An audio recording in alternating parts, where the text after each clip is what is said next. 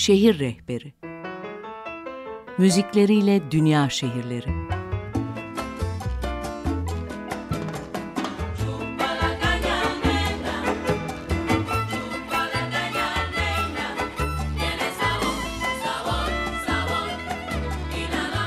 Tarihleri, gezilecek yerleri ve müzikleriyle dünya şehirleri.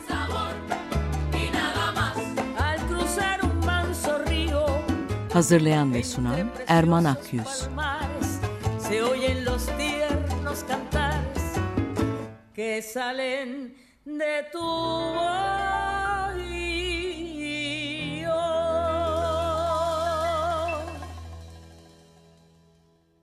Günaydın Açık Radyo dinleyicileri. Şehir Rehberine hoş geldiniz. Ben Erman Akyüz. Programa başlamadan önce ülkemizde geçtiğimiz günlerde yaşanan deprem sebebiyle vefat edenlere Allah'tan rahmet, etkilenen kişilere de acil şifalar diliyorum. Hepimiz yaralıyız, yaralarımızı birlikte saracağız. Şehir rehberinin bu haftaki bölümünde uzağa, uzak doğuya, Japonya'nın başkenti Tokyo'ya seyahat edeceğiz. Programın açılışında dinlediğimiz şarkı Japon halk müziğine güzel bir örnek.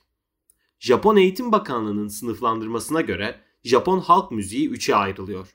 Tiyatro müziği, saray müziği ve enstrümantal müzik.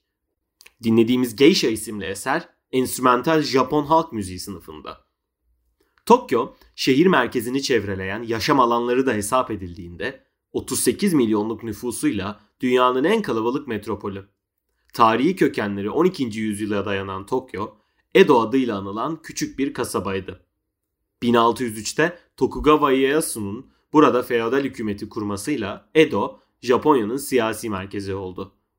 Birkaç yıl sonra Edo, dünyanın en kalabalık şehirlerinden biri haline geldi. 1868'de Meiji reformları ile imparator ve başkent Kyoto'dan Edo'ya taşındı ve şehir Tokyo olarak yeniden adlandırıldı. Tokyo kelimesi doğunun başkenti anlamına geliyordu. 20. yüzyılın başında çeşitli afetlerden etkilenen Tokyo, son olarak 2. Dünya Savaşı'nın sonuna doğru ABD güçlerinin bombalamalarıyla sarsıldı. Hiroşima ile Nagasaki'ye atılan ve savaşı sona erdiren iki atom bombasının ardından toparlanma evresine giren Japonya'nın yükünü başkent Tokyo çekmeye başladı.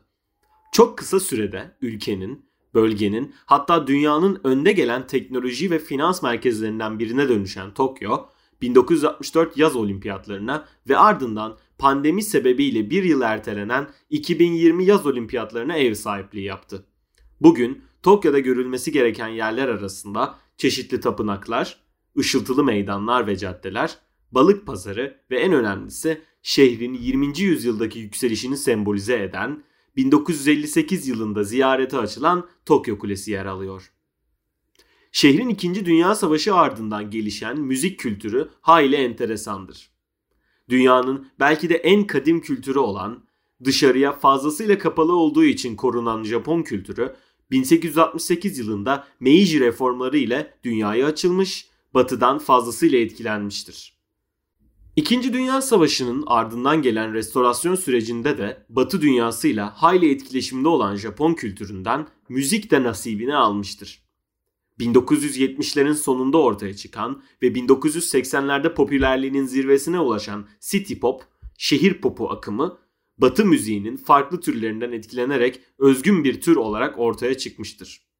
Soft rock, boogie, R&B gibi türlerden etkilenen city pop, Japonya çıkışlı Walkman'ler ve teyiplerle özdeşleşmiştir. Kesin bir tanımı yapılamayan city pop'un verdiği his, Tokyo'nun parıltılı kentsel hayatıyla fazlasıyla örtüşmektedir.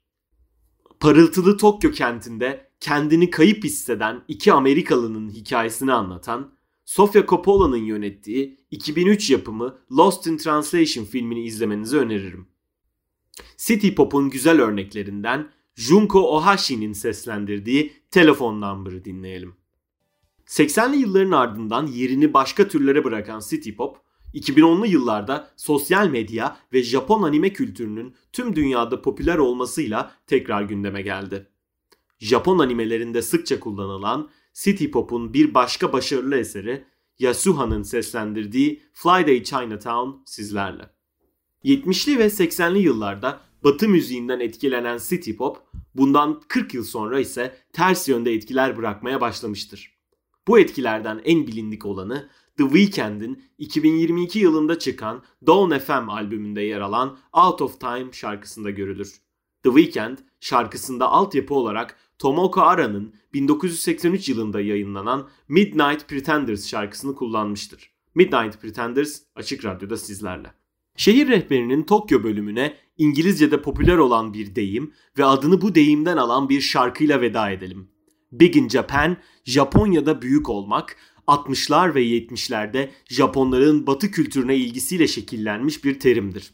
Kendi ülkelerinde pek de adı duyulmamış müzik gruplarının Japonya'da turneler düzenlemelerinin ardından burada pek bir olayın yok ama Japonya'da büyüksün be abi anlamına gelen Big in Japan deyimi yaygınlaşmıştır.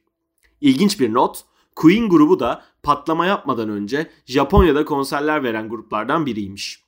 Big in Japan psikolojide de kendine yer bulmuş ve bir sendroma ismini vermiş. Küçük denizde büyük balık olmak şeklinde tabir edebileceğimiz bu sendrom, içinde bulunduğumuz iş, arkadaş grubu veya romantik ilişkiye fazla gelmemize rağmen konfor alanımızdan çıkamayıp buraya sıkışmamız anlamına geliyor.